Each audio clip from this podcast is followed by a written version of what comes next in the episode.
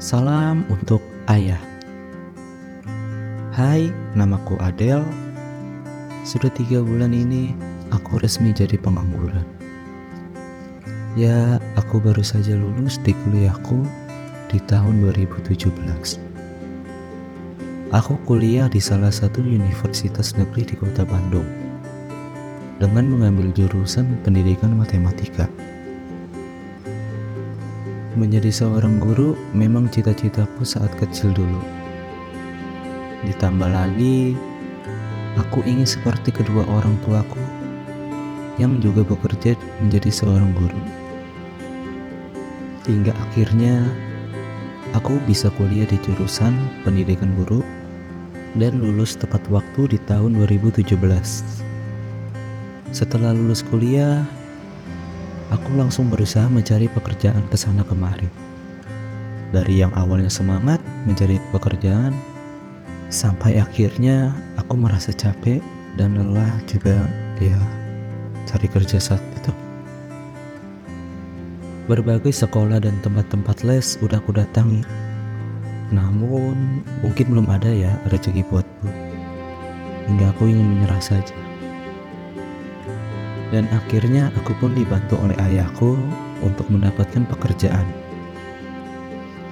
Ayahku menitipkan aku ke salah satu sekolah SMA swasta di daerah kota Bandung. Yang dulunya tempat ayahku mengajar di sana sampai pensiun, aku sempat menolak gak mau. Karena aku malu bisa kerja tapi dibantu oleh ayahku. Tapi ibuku mendorong untuk mau menerima pekerjaan itu dulu sementara. Sambil mencari kerjaan di tempat lain. Aku ditugaskan di sekolah itu untuk menjadi guru honorer mata pelajaran matematika. Sesuai dengan jurusanku saat kuliah. Tibalah hari di mana aku dipanggil untuk pertama kalinya ke sekolah itu. Aku disuruh datang jam 10 pagi untuk menemui Ibu Ida di ruangan guru. Sudah menjadi kebiasaan bagiku untuk hadir lebih awal dalam setiap kegiatan. Aku saat itu sudah sampai di sekolah pukul setengah 10 pagi.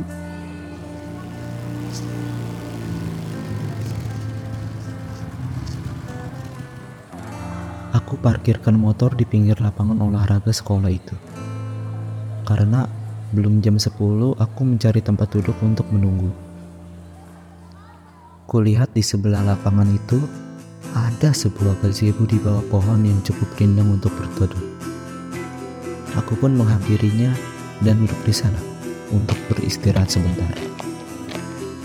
Suasana di lapangan itu sepi. Tidak ada aktivitas siswa sedang berolahraga di sana.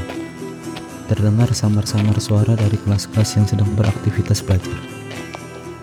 Dan tiba-tiba aku dikagetkan karena ada yang memegang pundakku sambil berkata, "Lagi apa, Dek?" Aku kaget dan sontak langsung melirik ke arah suara itu. Aku lihat ada bapak-bapak tua di sebelah kananku. Eh pak, ini aku lagi duduk aja, kataku. Perlu apa deh ke sini?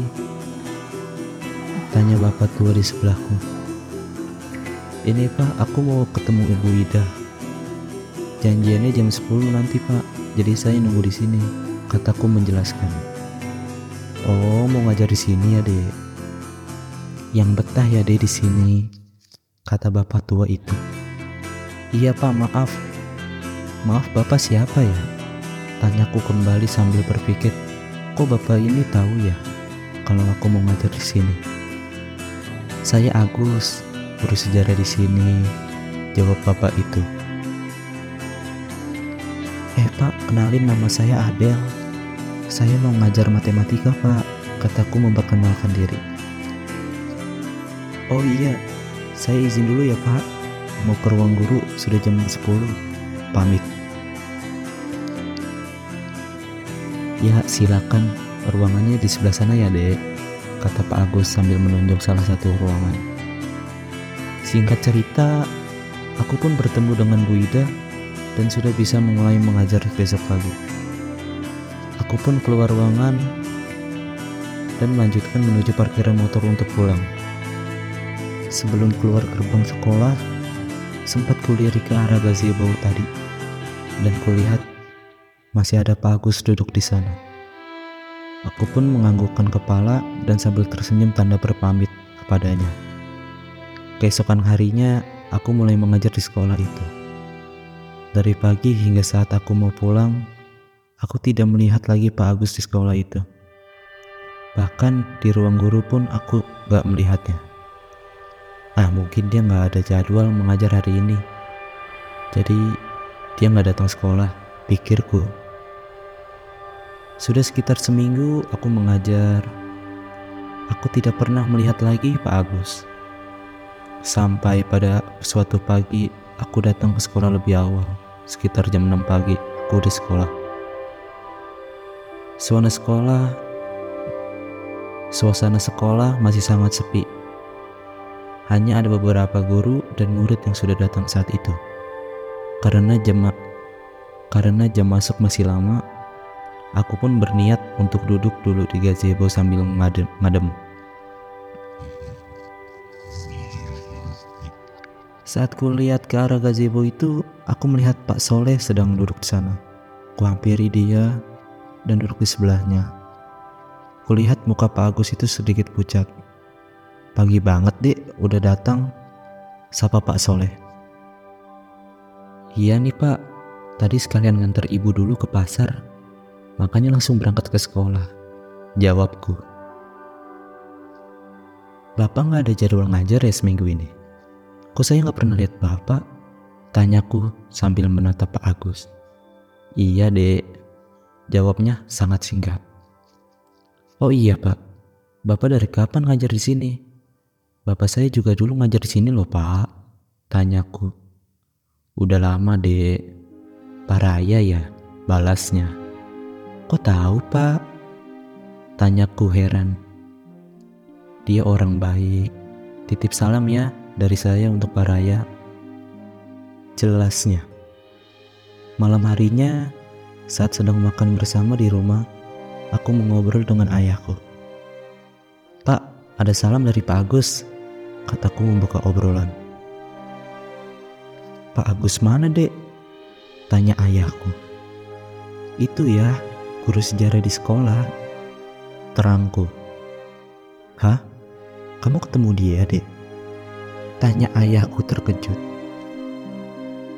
Iya ya, aku sering ketemu dia di sekolah. Dia sering duduk di gazebo dekat lapangan. Tadi dia titip salam buat ayah.